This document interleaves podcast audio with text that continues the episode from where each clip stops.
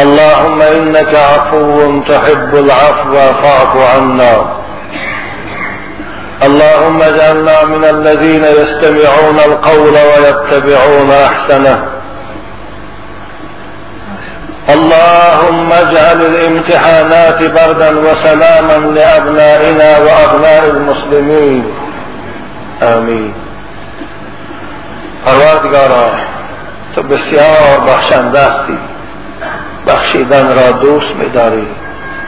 گناه های ما را خدایا آمرزیده گردان پروردگارا ما را از قطار بندگان قرار بده که سخن حق را گوش اندازیم و با آن سخنهای شنیده خود عمل نماییم. پروردگارا الان که وقت امتحانات در مکتب هاست چی در مکتب های ابتدایی و چی در مکتب های میانه و چی در دانشگاه های قبول؟ خدایا این امتحان ها را برای فرزندان ما و فرزندان مسلمان امتحان های بابرار گردان. خدایا زبان فرزندان ما را و زبان عاشقان این مدرسه محمدی که می‌خواهند امسال در دانشگاه های عالی داخل شوند و برای اسلام در آینده خدمت کنند. خدایا زبانشان گویا گردان.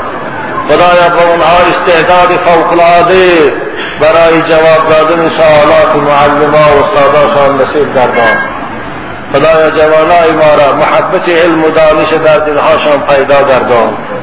آمین. آمین. یا رب العالمین.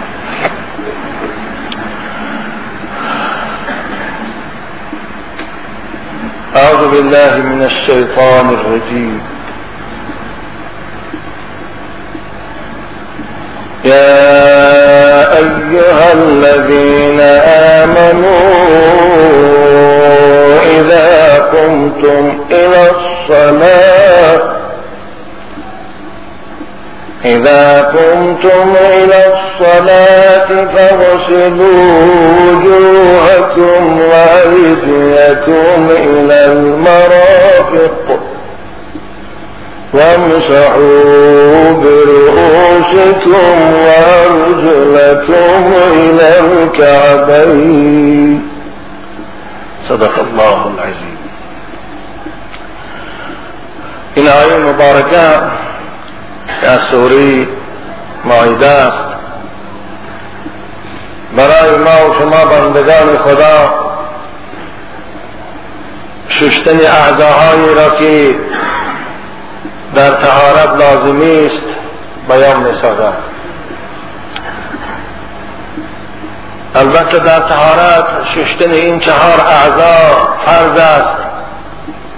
اول شستن روی با سرحدی که دارد. دوم شستن هر دو دست با همراهی آرنج. سوم مسح سر کشیدن. چهارم شستن پای با همراهی وجبت این چهار عضو است که قرآن پیروان خود به شستن آن در طهارت امر می‌کند. و البته تفصیلات آن برای همه مسلمان ها انشاءالله امید دارم که معلوم است. بنابر باید عبارت کوتاه برای یادرسی جوانان خصوصا و خواهران اسلامی و مادرایی که اکثر اونها اکنون نمازخوان شدیان می‌خواهم بیان کنم. وقتی که شما برای تحارت می نشینید. خواه در لب جویبار است. خواه در نزد جومکی. و در پرواد است. یعنی جویمکی آب جویبار آب. اول بسم الله الرحمن الرحیم گوید. ثانی هر دو دست خود تابان دیده است. سه بار شوید. بعد از آن دهان خود سه بار آوگردان کنید. بعد از آن بینی را سه بار آوگردان کنید. که این سنت های تارت است بعد از آن روی خود سه بار با ملایمی شوید که یگان موی او خشک نموند. بعد از شستن روی دستان خود تا آرنج با همراه آرنج بشوید سه بار. دست راست اول بعد از آن دست چپ. بعد از شستن هر دو دست باز تاخیر از سری خود بگیرید. سلمس بگیرید. بعد از سری خود مس کشید. بعد از مسح سر گوش ها تا هم با دو انگشتی باقی ماندی مسح سر تر کنید این مس کشید. بعد از آن هر دو پای خود شوید. خواهش می‌کنم که در وقت تارت خصوصا در وقت شوشتن پایها خیلی با احتیاط باشید که با همراهی بجلک همه اعضاهاش این همه پای تر شود. زیرا رسول اکرم تحدید کردن ویل للاعقاب وای برای همون پایهایی که در وقتی شوشتن عقیب اونها خشک میموند آب نمی‌رسد. بنابر خواهش من از همه برادران اسلامی خصوصا مادران که در وقتی شوشتن پا کوشش کنن با دست خود پا را مالن و خصوصا قسم عقیب پا را با آب شوین که یگان موی او یگان یگان قسم از او خشک نموند این آداب تهارت است. اکنون تهارت چه فایده دارد؟ تهارت هم فایده ظاهری دارد هم فایده معنوی دارد باطنی. فایده ظاهری تهارت این است که شخص تهارت کننده بعد از شستشو کردن اعضاهاش این رخساری او دست پای او از میکروب ها و از چند و غبارها حافظه می شود یک نورانیت یک تازگی برای و حاصل می شود که اساس اسلام عبارت از نظافت و پاکیزگی است. و تهارت فایده معنوی هم دارد که موضوع صحبت ما بسیارتر درباره فایده معنوی تهارت است. که این گرفتنی چی؟ ثواب است. رسول اکرم صلی الله علیه و سلم در حدیث صحیح میفرمایند عن ابي هريره رضي الله تعالى عنه قال قال رسول الله صلى الله عليه وسلم ان امتي يدعون غرا محجلين من آثار الوضوء يوم القيامة. پیغمبر خدا میگه روز قیامت شد. تمام بندگان خدا تمام امتان پیغمبرها در آن روز در محشرگاه جمع می شوند. پیغمبر بزرگوار ما میگوید من امت خود از بین انبوه زیادی انسان ها می با همون اعضاهایی که در تهارت ششته بودند این امت اسلام امت قرآن از بین دیگرها فرق کرده می شود به چی؟ با همون آب وضوع با همون آب تارتی که در اعضاهاشان رسیده بود که در آن روز موت زده می زنا داده می از همون فرق کرده می شود ان امتی یدعون غرا محجلین اصلی مانند یک گلی اسب سیاه باشد. در بین او دو سه اسب قشقه باشد دست و پنجهاش سفید پیشانی سفید. از دور صاحبش بین فرق می‌کنه که اسب او رسول اکرم امت منم در بین دیگر امت ها از نشانه تهارتشان فرق کرده می شود بنابر عزیزان من این روی های شما این دستان شما این پایهای شما آن روز چنان جلا میتین چنان از سفیدی روشنایی میتین که همه می‌دانند که این امتای محمد هستند اینا همون امتای هستند که دنیا در پنج نماز طاعت می‌کردند. بنابر حضرت چی گفتند؟ فمن استطاع منكم ان يطيل غرته فليفعل. هر کدام شما ای امت اسلام خواه مرد خواه جان خواه جوان و پیر می‌خواهی که این روشنایی این نورانیت شما در محشرگاه زیادتر شود روشنتر شود در این دنیا تهارت کامل کنید. یعنی در تهارت هر اعضا سه بار سه بار باید آرامیش شوید.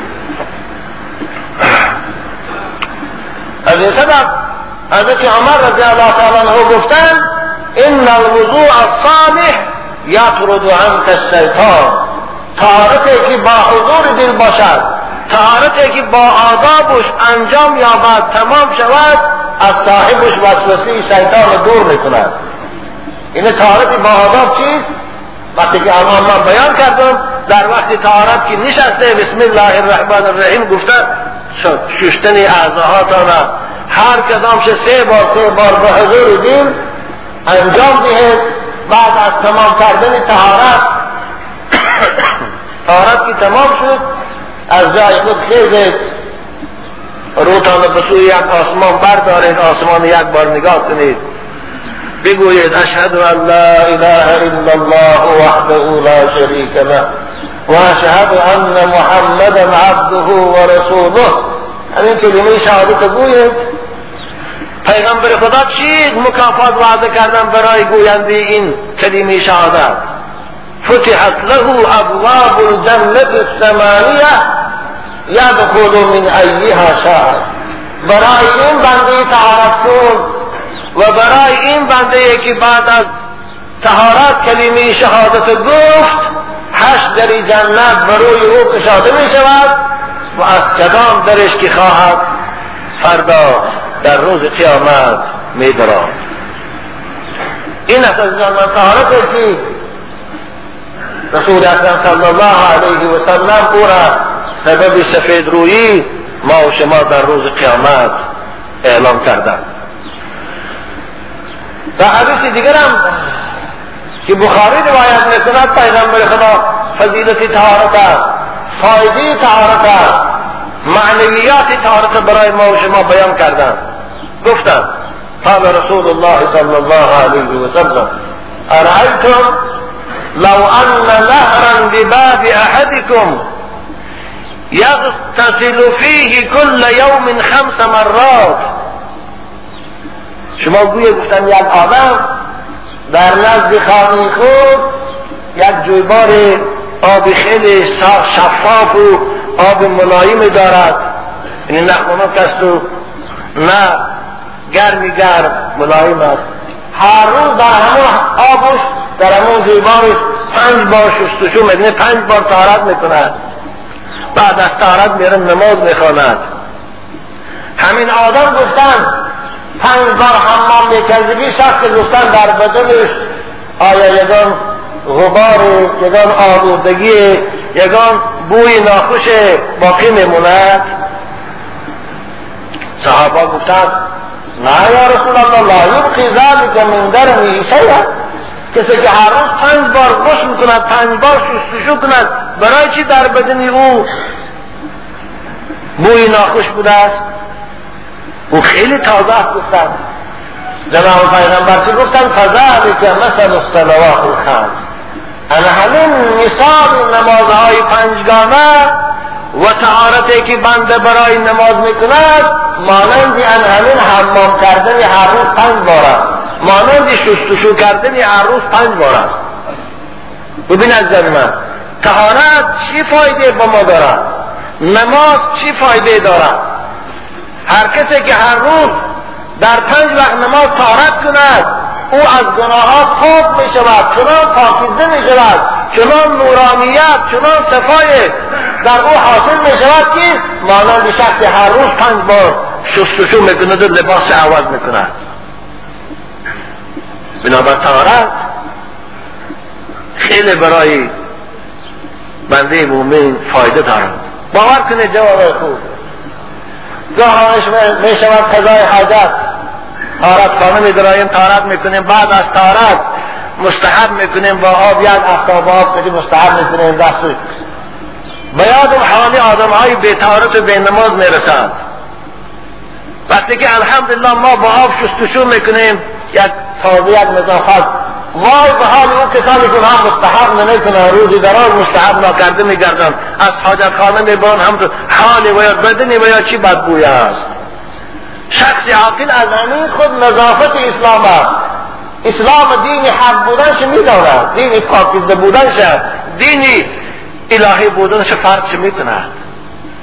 نبر هزار شکری پروردگار که ما و شما را عزیزان من از جمله موحدها گردان از جمله کسان گردان که تهارت می‌کنیم و بندگی او را انجام میتیم نه از اون کسانی که بدناشان بوی می‌کند بوی ناخوش از اون طایفه نگردانید بنابر تهارت این هم فایده ظاهری دارد که سبب تازه شدن اعضاهای انسان می شود هم فایده معنوی دارد که سبب شستشوش اینه پاک شدن از گناه ها می شود کدام؟ یک برادر در ما خط شده گفته است که آخه در من تارت بینی را آبگردان کردن چه فایده دارد؟ برادر عزیز اولش که ما شریعت امر کرده است ما او را اجرا می‌کنیم.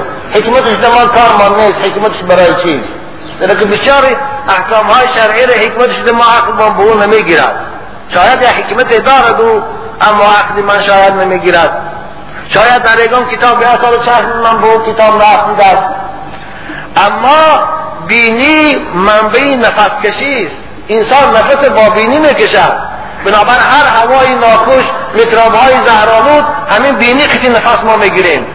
بنابر او در همون صدا پرداهین بینی میستد در همون جای فیلتر بینی میستد وقتی که او رو ما آبگردان می‌کنیم می‌شویم همون چیزهای نفس کشیدیم خطرناک و افلاسات همون آبش میافتن بنابراین یک تازگی است داخلیم سبب تازه شدن چی؟ یعنی همون خلفین دماغ انسان از همون میکراب های زهرالود از همون هوای پلیده که انسان را خفت می‌کشد از همون میشه بدیم بنابراین خیلی فایده دارد بنده مومن هر چیزی که صاحب شریعت امر کرده باید او را کند. اما حکمت او چیست؟ اتفاع وی تفتیش نکند.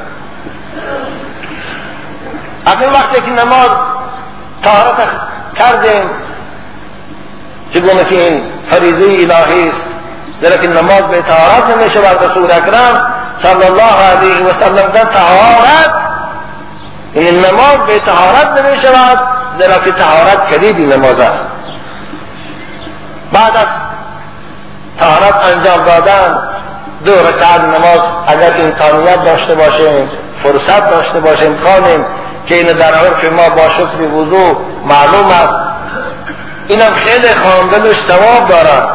زیرا که رسول اکرم در شب مهراج وقتی که بلال در جنت دیدن پیش پیش خود قدم می‌زد از شرفه پای بلال شناختن که بلال بود پرسیدن او را بعدی فرامدن که بلال تو چی عمل داری در پیشگاه خدا که من تو را در گجای جنت که قدم زدم شرفه پاتو شنیدم تو چی عمل داری؟ به خدا خوش آمده بلال گفت یا رسول الله من او در عمل ندارم در پیشگاه خدا که با هم کنم. اما فقط همین قدر است که هر بار که تارت کنم اگر فرصت داشته باشم دو رکعت نمازی شکر وضو می‌خوانم. ان همین است. گمان دارم که همین است امیدوارترین عملی که من در پیشگاه خدا برای خود دارم. از این سبب شکر وضو را هم عزیزان من اگر فرصت داشته باشه خواندنش ثواب است و الا این حتمی نیست. این این واجب نیست. که به سبب ترکش گناهگار شوی. نفل گفته نیت می‌کنه هم دو رکعت می‌خوانه بعد از آن از کار بار خود میشه یا اگر از تو مسجد باشد سنتات آن خوانده انتظار نماز جماعت شده میشینی. این از به طریقی کوتاه فایده تارد و ثواب آن. اکنون درباره نماز جماعت برای خاطر این موضوع من بسیارتر رو آوردم که امروزها اکثر مسجدها از نمازخانها خالی است. شاید سبب اولش رفتن جوانها به طرف روسیه باشد که بسیار جوانهای پاکیزی و نمازخان ما برای خاطر زندگی استادیان اکثر اگر این باشد سبب دوم شاید وقتی خب کار صحراست شاید برای این باشد.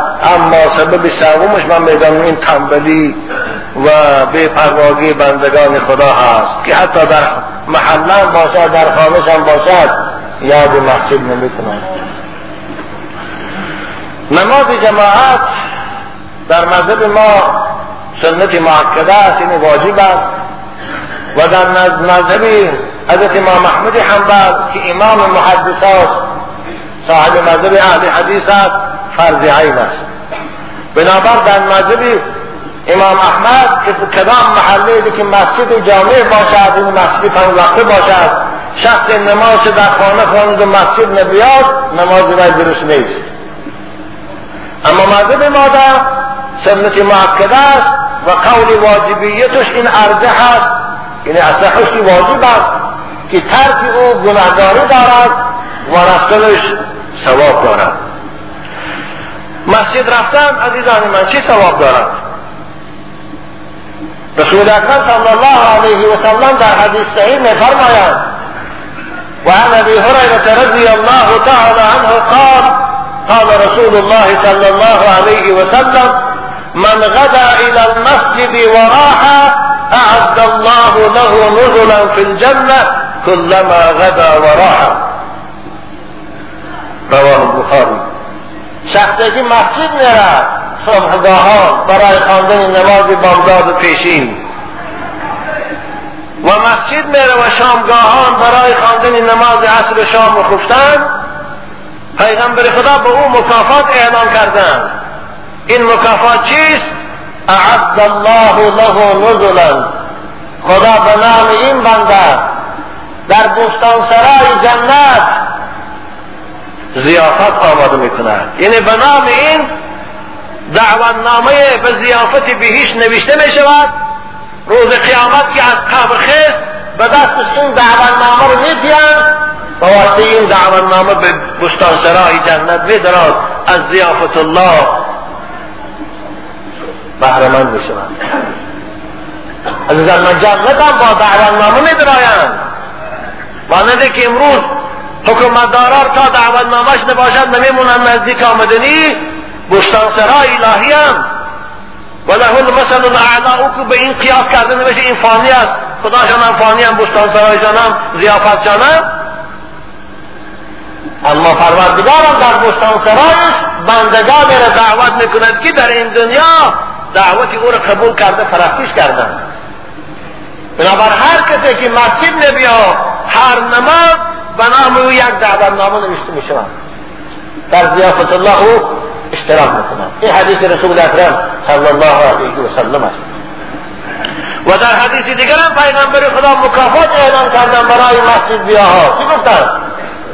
من تطهر فی بیته ثم مشى إلى بیت من بیوت الله لیقضی فریضة من فرائض الله. كانت خطواته إحداها تحط خطيئته والأخرى ترفع درجته رواه مسلم. شخصی که در خانهش تهارت می‌کند. بعد از انجام تهارت آهسته آهسته قدم زنان مسجد می رود ببینه رسول اکرم اینجا تهارت می‌کنه گفتن مسجد میره تهارت کرده در خانهش خانه نه. خانه فقط برای نماز نفل است. خانه برای نماز تهجد است. خانه برای نماز قضایی است. اما نماز پنج وقته نمازهای فرض پنجگانه رو باید بنده مؤمن در جای خانگی وی خانه خانه خدا باشد در وی اذان گفته شود. بنابر کسانی که در خانه تان از روی تنبلی نماز می‌خونه اگر مذهب حضرت امام محمد حنبل حق است انشاءالله و حق است. من به این قائل هستم از مجموع ما دیدم. نمازاتون در خانه تان قبول نیست. بنابراین پختی غفلت از بسیارتان فرق داره مسجد در اجلاتان سه نفر نماز خوانده شما در خانهاتان در بیخ تلویزار شینه پیغمبر خدا چی گفتن؟ ثم مشى الى بیت من بیوت الله. بعد از آن قدم زنان آهسته آهسته رود مسجد. کدام مسجدی نباشد برای چی مسجد رود برای خاطر گشتکوری حالا بعد مسلمانان رو مسجد می‌روند نماز یشا برای گشتکوری زن خود گشتر مسجد عبادت رو مسجد برای راز با خدا رو مسجد برای مناجاتی با پروردگار رو رسول रसूल अकरम बयान कि लिया من मिन الله. مسجد میرا برای خاطر آن की این فریضه الهی را از گردن ساقط کند نماز عصر شام پختنم من خاطر آن میرا کانت خطوات هر قدمی که برای رفتنی به مسجد میزند احداها تحط خطیعته والأخرى ترفع درجته. یک قدمی او سبب آموزش گناهش می شود یک قدمی او سبب رفع درجاتش در جنت می شود عزیزان من اگر از خانه شما تا مسجد دو قدم راه باشد دو گناه شما آمرزیده می شود دو ثواب در نامه اعمالتان نوشته می شود ای کسانی که خانه دورتر است 500 متر و یک کیلومتر است هزار گناهتان از نامه اعمالتان کور می شود هزار حسنه و ثواب در نامه اعمالتان نوشته شود وقتی شما مسجد بیایید. این است مکافاتی که پیغمبر بزرگوار برای امتشان برای امت مسجدیشان وعده کردند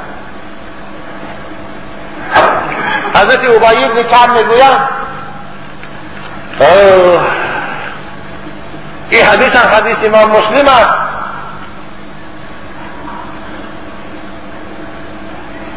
من وقتی که حدیث می‌خوانم باید پیش نظری هر کدام ما با محبت و اخلاصی صحابه های رسول اکرم باید تجسم شود.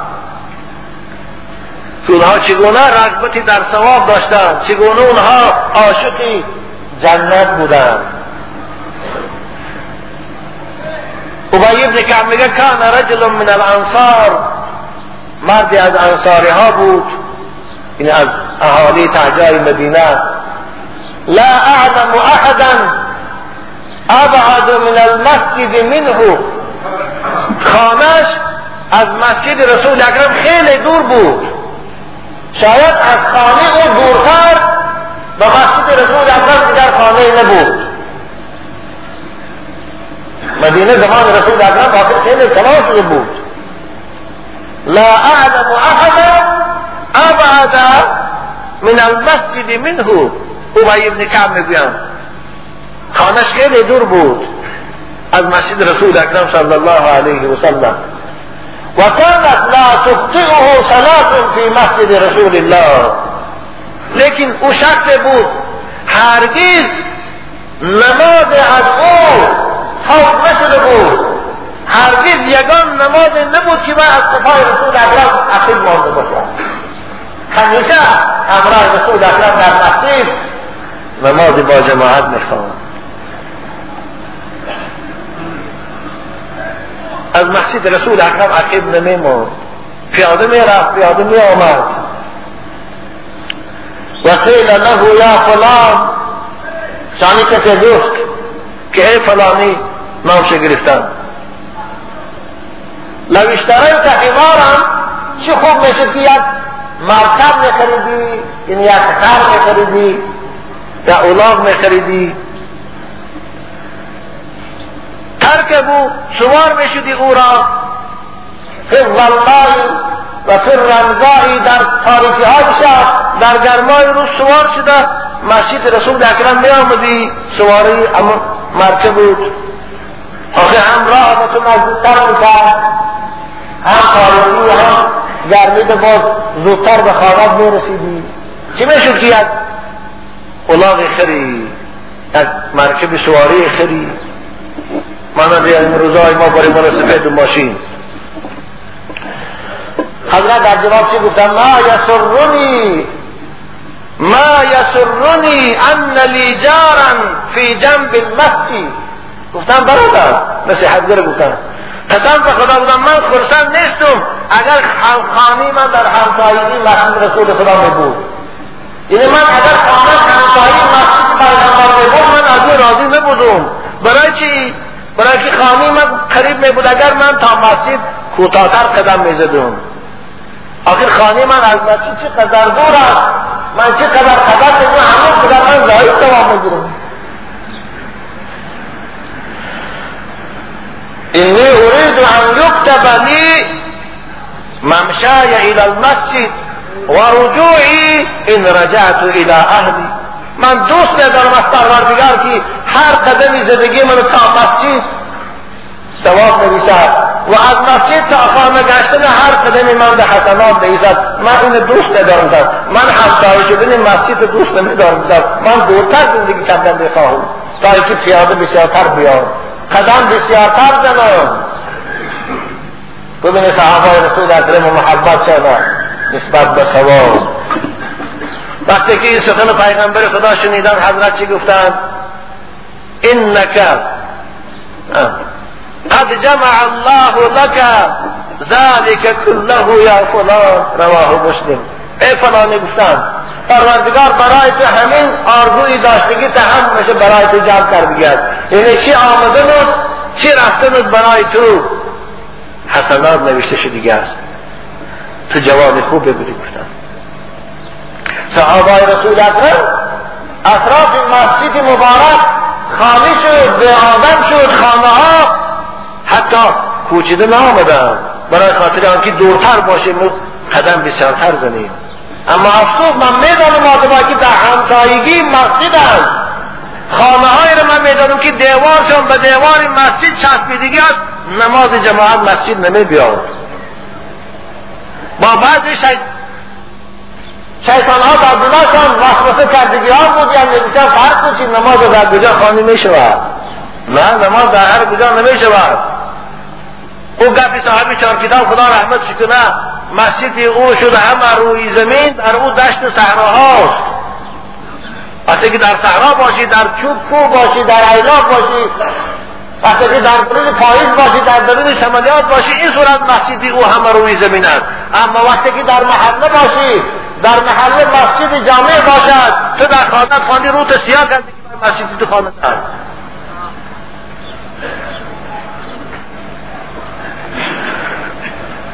رسول اکرم صلی الله علیه وسلم از وقتی که مدینه منوره هجرت کرده آمدن پیش از که برای خود خانه سازند پیش از که برای همسراشان حجره بنا کنند اول مسجد ساختند. چرا که مسجد جای آخری مسلمان ها مسجد جای پیدایش محبت است مسجد جای شناسایی است مسجد جای وحدت است. ما مسلمان ها فایده مسجد نمی‌دانیم. اما دشمن اسلام فایده مسجد می‌دانند. بنابر اول کاری که اونا می‌کنند مسجد ها رو میبندند اونا می‌دونن مسجد چی؟ در تعریف اسلام راز میبازد.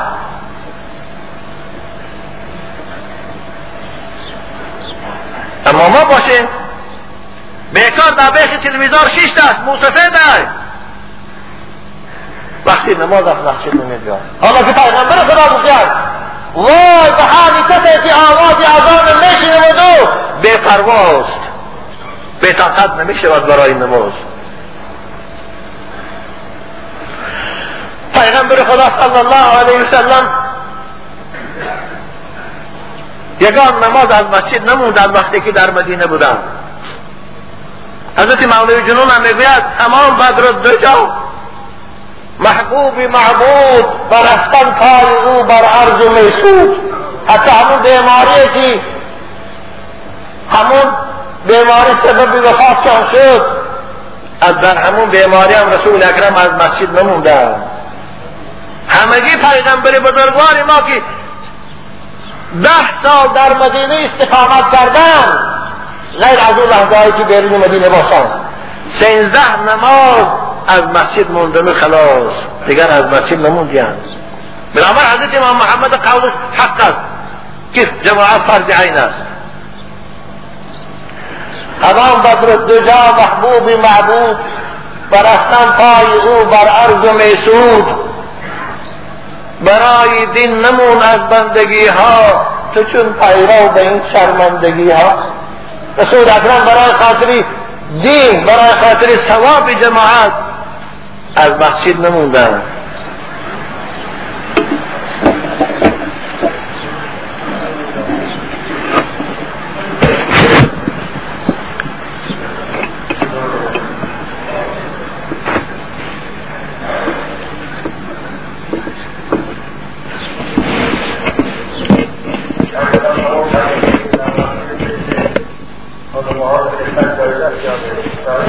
Thank you. برنامه از شما متناهات سخت خیال را که به مطابقه مسیر نگاه کنشان اگر فقط در آنجا استاد دارا حتی خانگی در وقت قرآن خانه که باشد در نسید و دنبال چشم می‌برد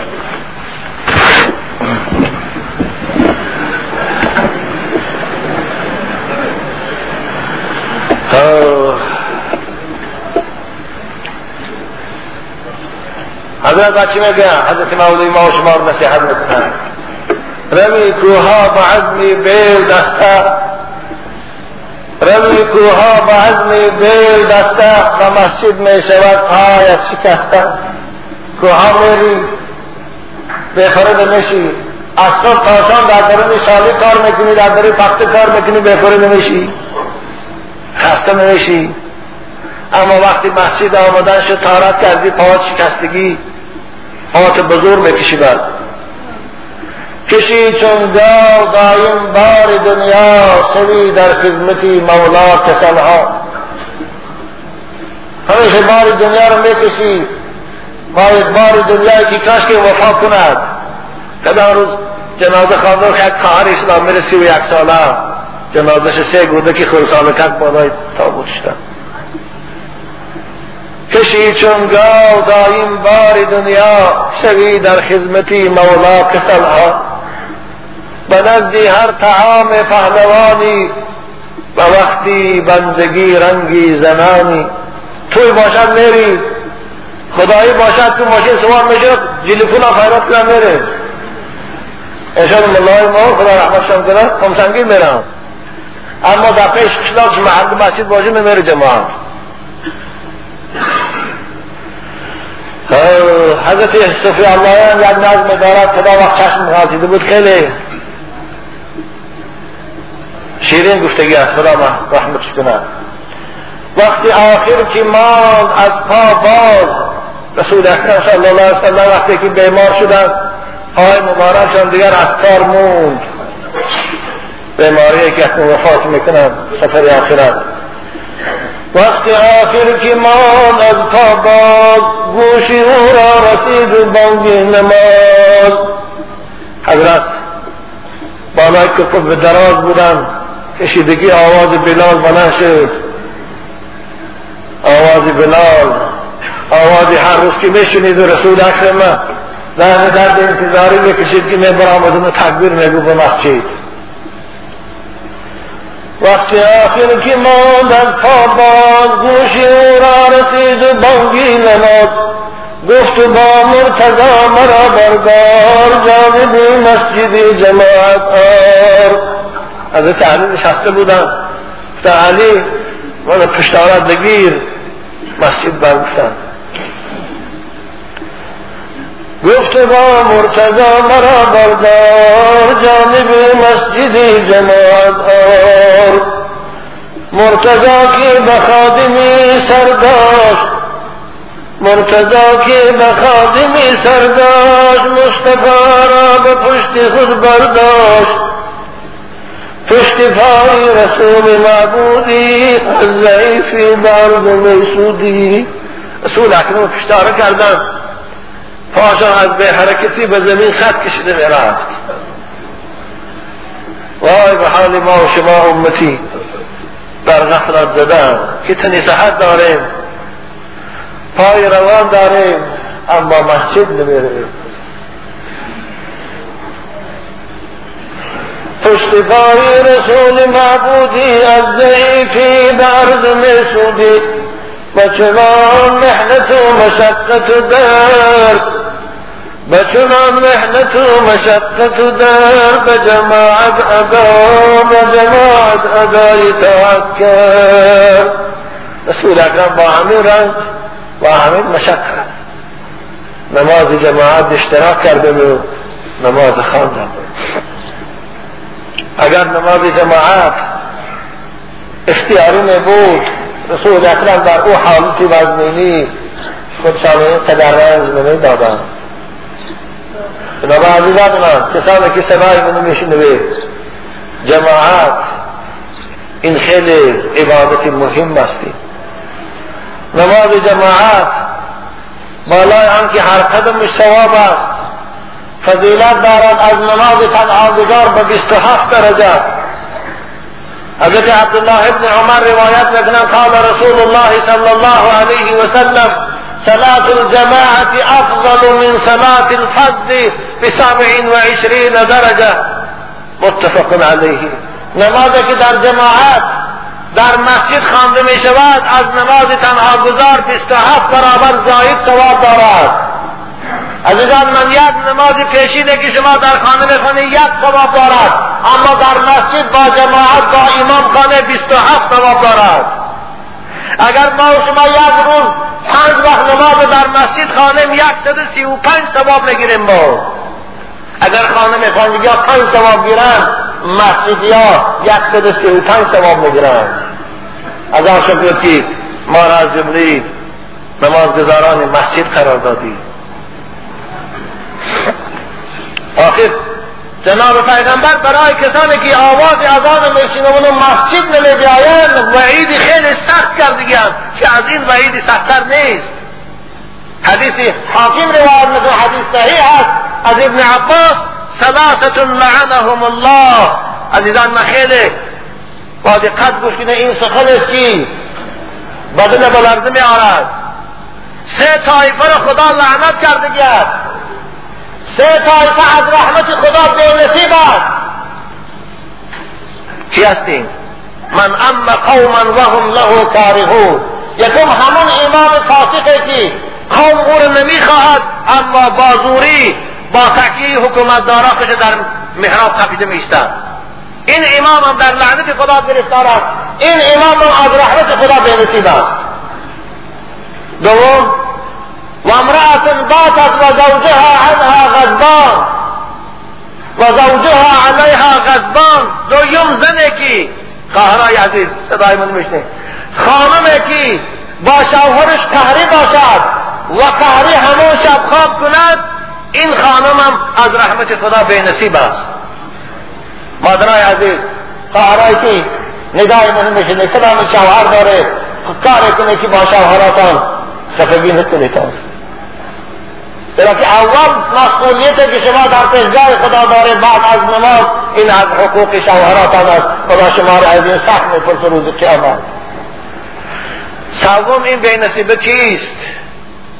سوم این بینصیبی بدبخت کیست که از رحمت خدا بینصیب است؟ علت گفتن رجل سمع حی علی الصلاة حی علی الفلاح ثم لا یجیب.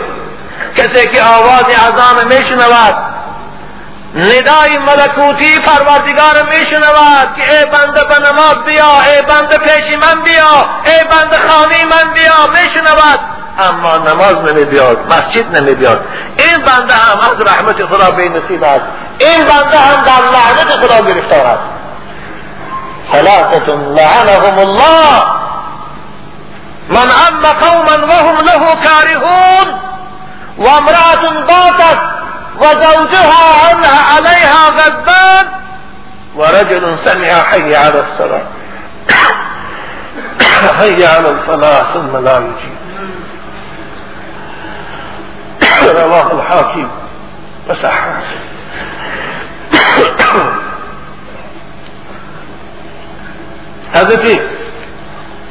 أبو هريرة رضي الله تعالى عنه میگویند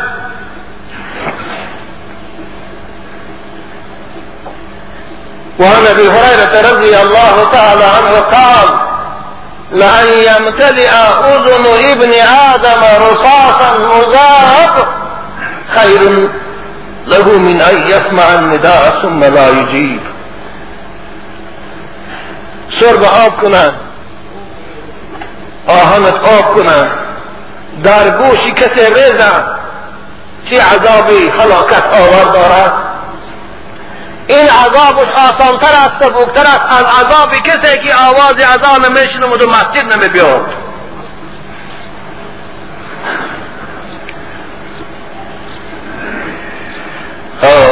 حضرت عبدالله ابن مسعود که صاحب رسول خدا هست می‌گوید من سره ان یلقى الله غدا مسلما فلیحافظ على هؤلاء الصلوات حيث ينادى بهن. کسی می‌خواهد که روز قیامت با پروردگار خود مسلمان موحد فرمانبردار روپرو شود باید نماز در جای بخواند که آوازی از آن از اونجا بلند می شود این در خانه خواندن در زمان رسول اکرم نبود.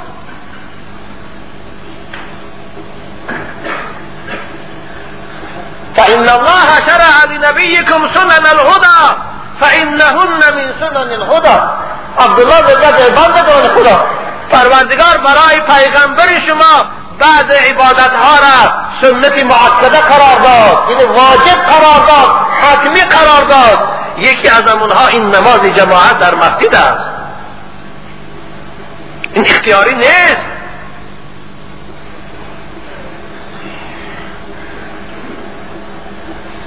ولو أنكم صليتم في بيوتكم كما يصلي هذا المتخلف في بيته لتركتم سنة نبيكم.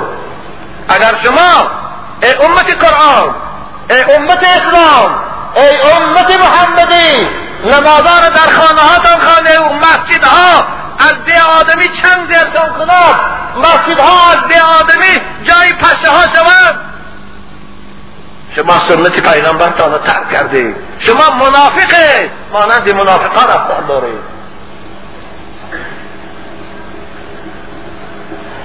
صحابه رسول اکرم فقط بودن. پاهاشم کار نمی کرد بچه هاشان خدمتگاراشان می گفتن از دو پهلوشم گرفته مسجد می بردن برای نماز جماعت.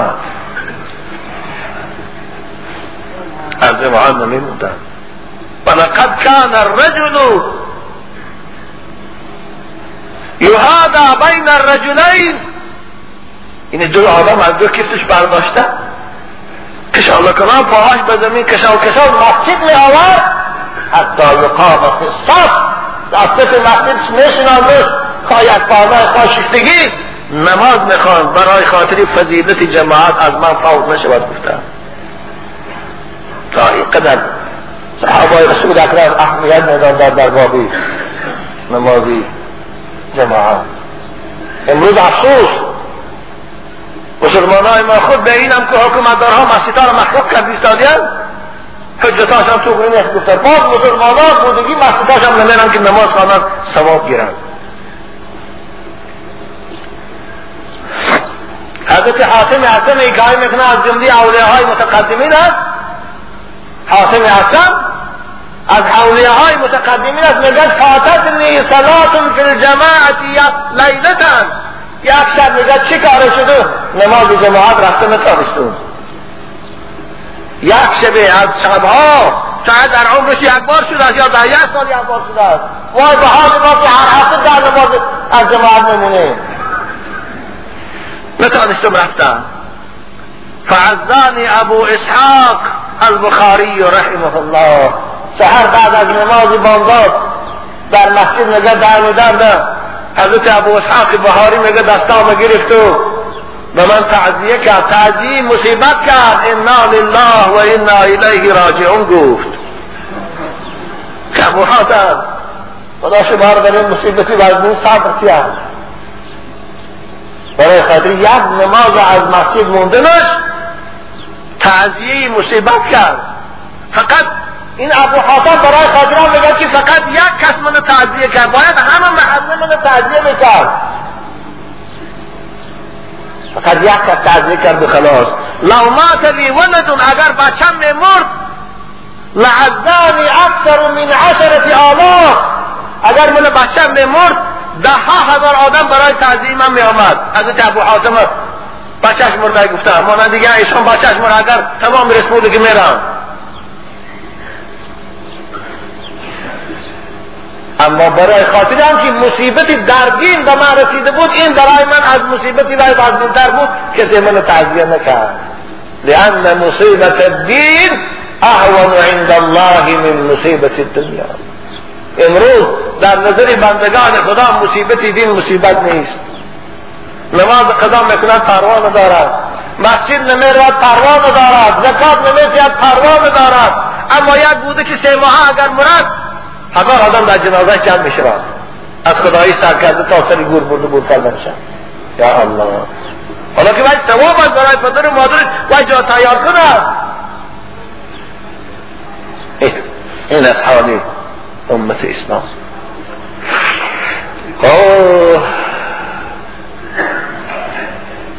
مسجد جایی شناسایی است جای پیدایشی الفت و محبت است. مسجد خانه خداست. کسی مسجد می بیاد با پروردگار خود راز می گوید کسی مسجد می بیاد خودش از زیافت الله با نصیب می گرداند پروردگار در یک از حدیث های قدسیش گفته بودند ان بیوت فی الارض المساجد. خانه من در روی زمین مسجد هاست بنابر مسجد ها عزیزان من ملک هیچ کس نیست. در کجایی که مسجد ساخته شد باید هیچ کس حق ندارد بیاد از من است. حتی در حکومت های اسلامی هم مسجد ها و زمین زمین حکومت حساب نمی شود کدام حکومت دارایی که خودشان مسلمان می‌دانند باید دانند که این مسجد قطعی زمین مسجد زمین حسی دولتی و یا نیست این زمین خدا است. دعوی حق ندارند تصرف کردن در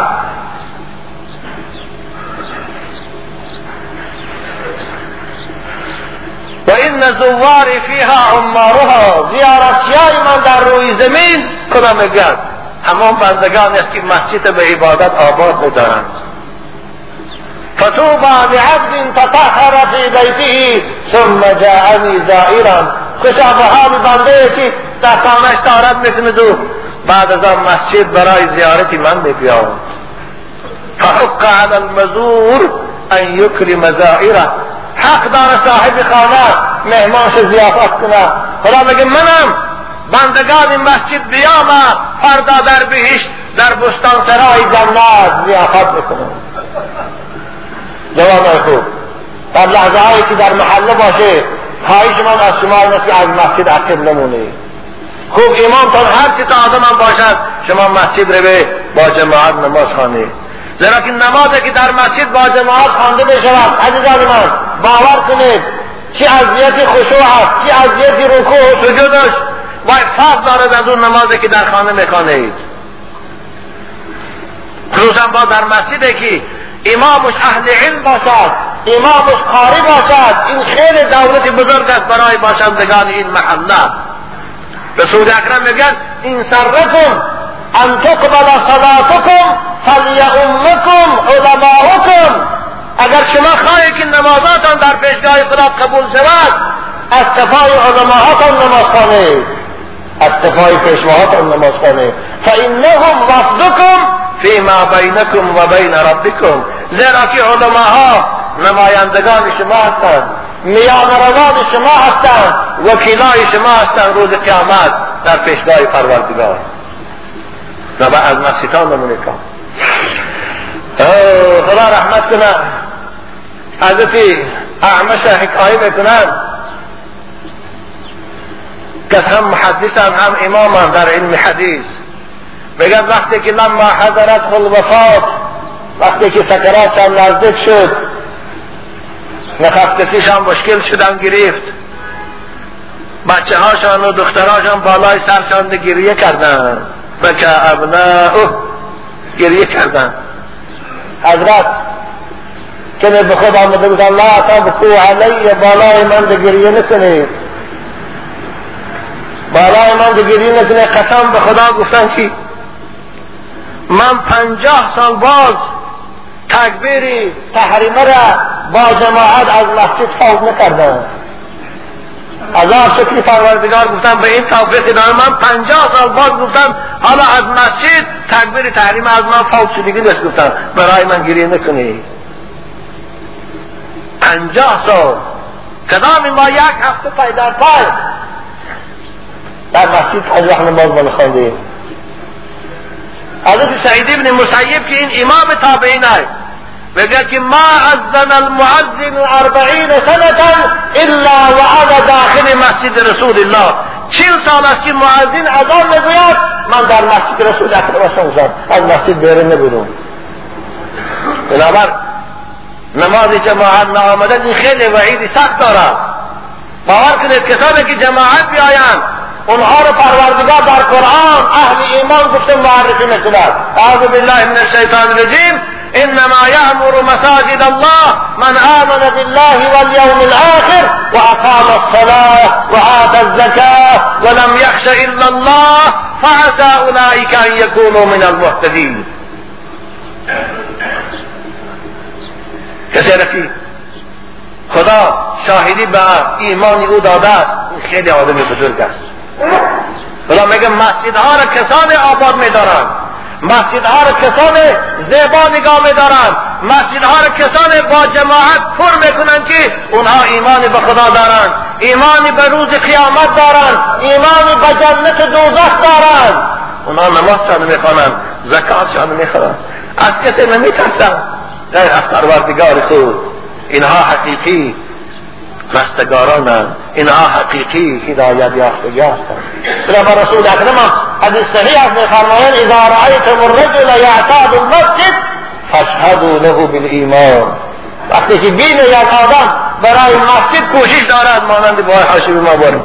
همیشه در مسجد است آبادانی مسجد است از آنگویی مسجد است از مسجد دور نمی شود شما شاهدی ده با دل پر شاهدی ده که او اهل ایمان است. زیرا که قرآن او را به ایمان و شهادت است اما برعکسی کسانی که مسجدها را میبندند کسانی که مسجدها را محکم می‌کنند با بانی حجت نداشتند قرآن اونا را چی می‌گوید من این خطاب به همونها می‌کنم که فهمند قرآن در سوره براعت در آیت هفدهم می‌گوید ما كان للمشركين أن يعمروا مساجد الله شاهدين على أنفسهم بالكفر. أولئك هبطت أعمالهم وفي النار هم خالدون. صدق الله العزيز هیچ کافران و مشرکان و منافقان مسجدها را نمیگذارند که آباد کنند زیرا اونها خود شاهد هستند که کافرند اونها ایمانی به قیامت ندارند ایمانی به جنت ندارند باوری به مسجد ندارند تعظیم و احترامی به مسجد ندارند اولایی که اعمالهم خدا میگه اینها کسانی هستند که هر کاری خیری هم کنند من همش به خاک یکتام می‌کنم. هیچ ثوابی به اونها نمیتیم. اونها در دوزخ جاویدان هستند بنابر باید مسئولان از این وعید خدا ترسند. مسجد محکم کردن این با خدا جنگ کردن است. مسجد محکم کردن با خدا جنگ اعلان کردن است. قرآن میگه و من اظلم ممن منع مساجد الله ان یذکر فی اسمه و سعا فی خرابها. کیست ظالمتر و کیست بیتوفیقتر و کیست بدبختتر و کیست سیافتر از این کسی که مسجد خدا را محکم می‌کنه و بندگان خدا را از عبادت بند می‌کند؟ کیست و کوشش می‌کند که مسجد خراب کند با بهانه حجت نداشتن. مسیحی ها سه آدم باشد اگر امضا کنن مسجد برای آنها میکشایم برای ما مسلمان ها در جامعه که 99 فایز مسلمان 20 هزار آدم شرط برای مسجد رسمی کردن. حالا که مسلمان وظیفش مسجد است.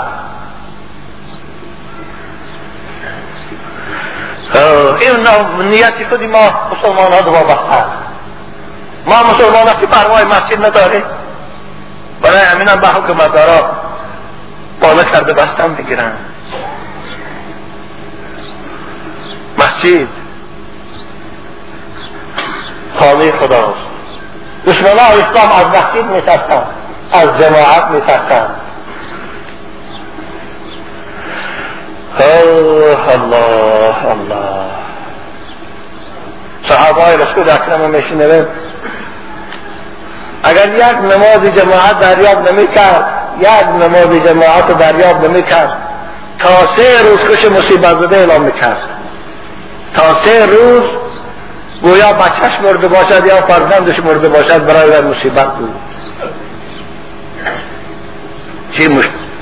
اونها از مسجد جدا شدن طاقت نداشتن. بنابر جوانای خوب. بار دیگر از این منبر رسول اکرم به همه شما خطاب می‌کنم که فقط مسجد جای انسان کردن شما هاست. فقط مسجد جای اخلاق آموختن شما هاست. فقط مسجد جای آداب آموختن شما هاست. غیر از مسجد دیگر جای نیست که شما را آداب آموزاند. غیر از مسجد دیگر جای نیست که شما را اخلاق عادی انسانی را تعلیم دهد. وقتی که در قشلاق همسایی ما قشلاق خجبتون خجبتون.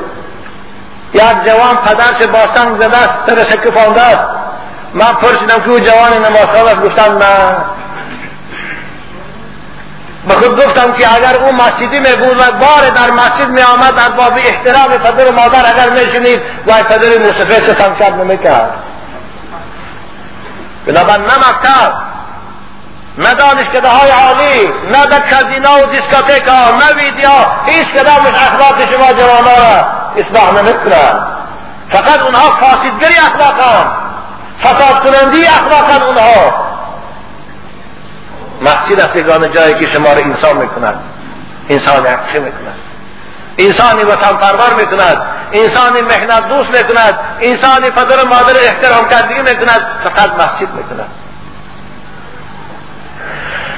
اکنون وقت ساعت اما هم بود شد نگاه می‌کنم اقرب ساعت. از یک گذشته است. اگرچه در این باب صحبتی طولانی داشتم اما چه علاج؟ اخربی که ساعت می‌گوید که باز است که وقت تمام شد. بنابر از پروردگار عاجزانه دعا می‌کنند که همین جوانای مسلمان و خصوصا بندگان خدا را در دلهاشان محبت مسجد و محبت عبادت خودش بیدار گردانند و مسجدها را پروردگار با عبادت آباد گرداندنش نصیب گردان و بندگان خود دلهاشان به محبت مسجد پیدا گردان. خدای حاکمای ما را هم توفیق ده که برای آبادانی مسجد و برای رسمی کردن حجت های مسجد این کوششان دریغ ندارند خدایا به اونها همت اسلامی عطا فرما که مانندی که مسیحیان برای رواج دینشان برای کشادن مسجد هاشان کلیسا هاشان کوشش دارند. اینها هم یک ناموس اسلامی و یک ناموس مسجد کشایی هم پروردگار در دلهای نام پیدا گردان آمین یا رب العالمین.